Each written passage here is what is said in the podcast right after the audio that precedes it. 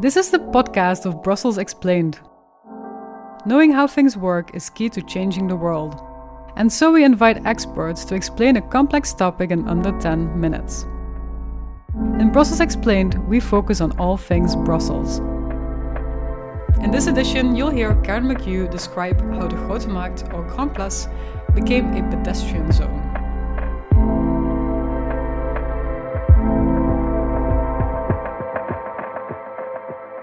Grote Markt, that beautiful square that we all know in the centre of Brussels, it has seen a lot throughout the years. Um, its buildings date from the 17th century. It was actually bombarded in 1695. It was set on fire and then it was rebuilt. Its town hall was actually used as a hospital in World War One. And after all that, it's now a tourist attraction and it was voted the most beautiful square in Europe in 2010, welcoming hordes of tourists every year now. So, it's hard to imagine that in 1972 you could actually park your car in the Grote Markt and head off to do your shopping. Can you imagine now driving your car in through the, the narrow cobbled streets and past the souvenir shops and finally parking up in front of the town hall? Probably not, but you could do that back then. Because um, Brussels in the 60s and 70s was going through a lot of quick changes. And the city's planners wanted to modernise Brussels, and the city was developing with the car in mind. And they didn't think too much of preserving architecture or pollution.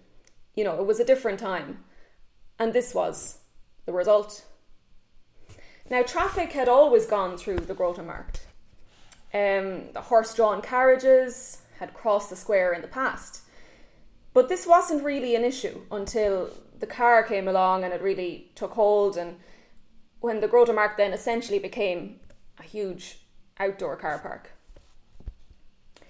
Now, some of you may know Brussels English Language magazine, mostly for expats or anyone interested in Brussels through English, and it's called The Bulletin which still runs uh, to this day.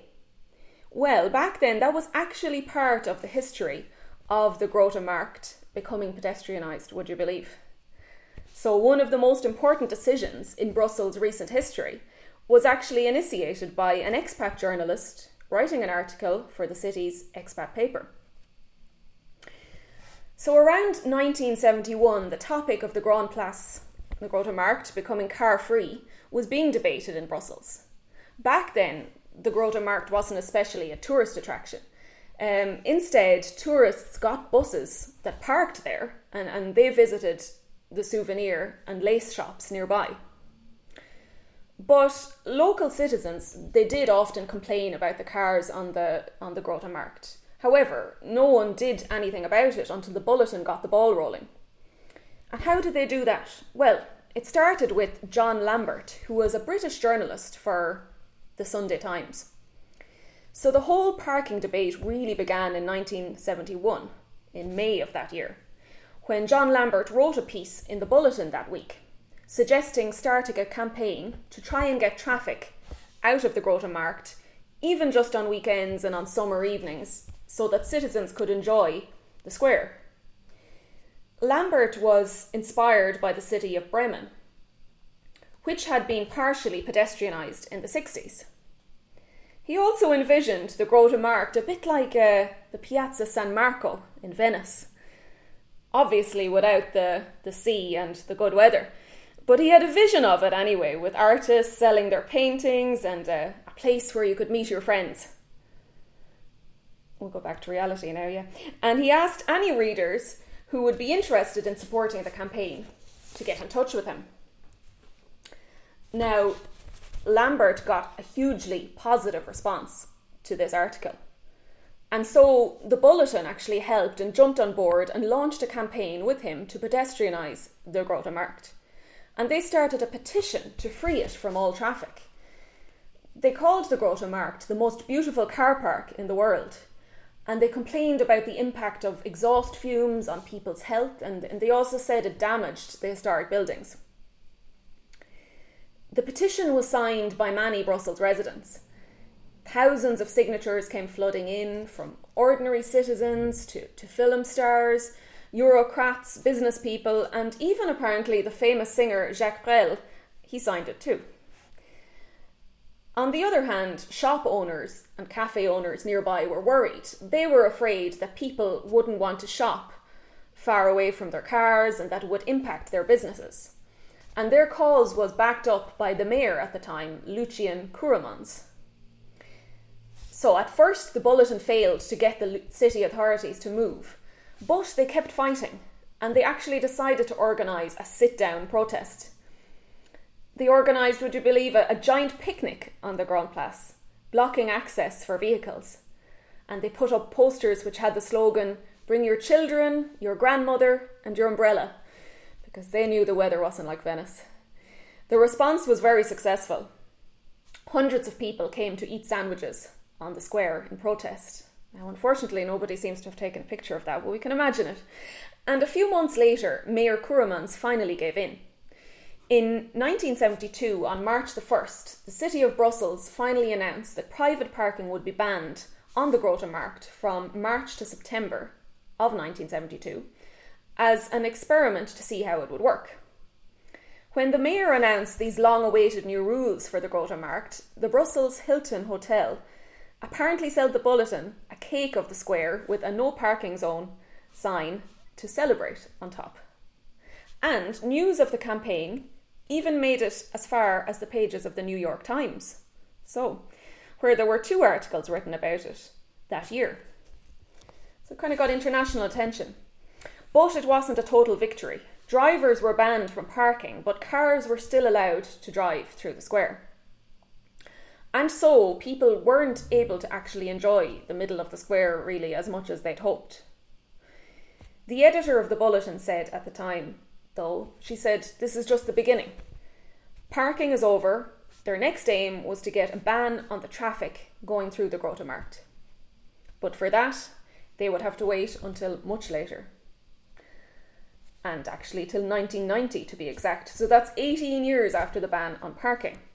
At this point, traffic is still going through the Grote Markt. It's allowed to go through. There had been regular calls asking for its pedestrianisation but no one dared to completely ban traffic. However, it seemed like now, after a long battle between supporters and opponents of the ban, that the time maybe was finally right. Now, according to Mayor Hervé Brouhon, the city of Brussels had been thinking about the pedestrianisation of the Grote Markt and its surrounding streets for several years. But a car park nearby prevented the project from materialising. The licence for this car park, though, was due to expire on September the 15th, 1990. So it was kind of good timing. And the city took this opportunity to conduct a pedestrian experiment. And they wanted to assess how it would work.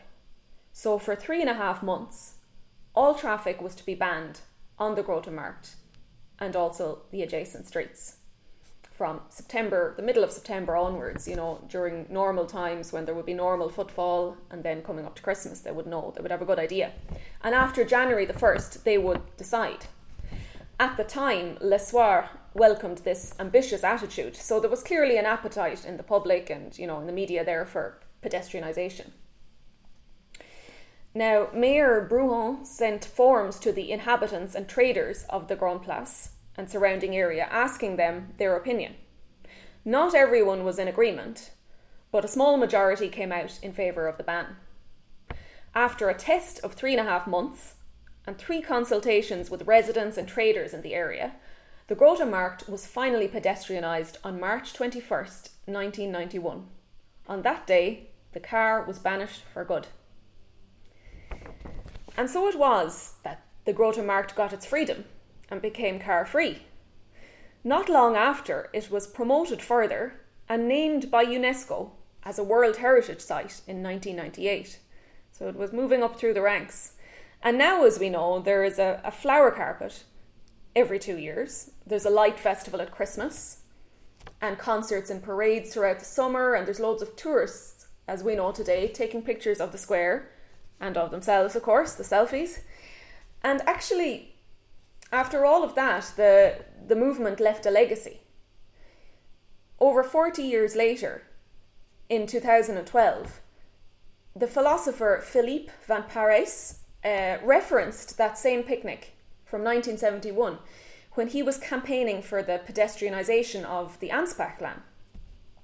He called back then on citizens to follow the example of the Bulletins campaign and to have a giant picnic every Sunday afternoon to block traffic and draw attention to the cause. And it was called Picnic the Streets, or Picnic the Streets. And there he is, having his picnic. And it was actually successful.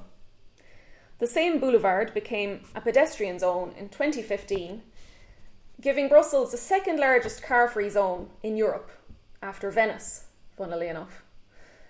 Um, the interesting thing is, it all started with one person's idea in an expat newspaper. So it shows what the power of one idea can do in starting momentum for a cause, and maybe even the power of a picnic.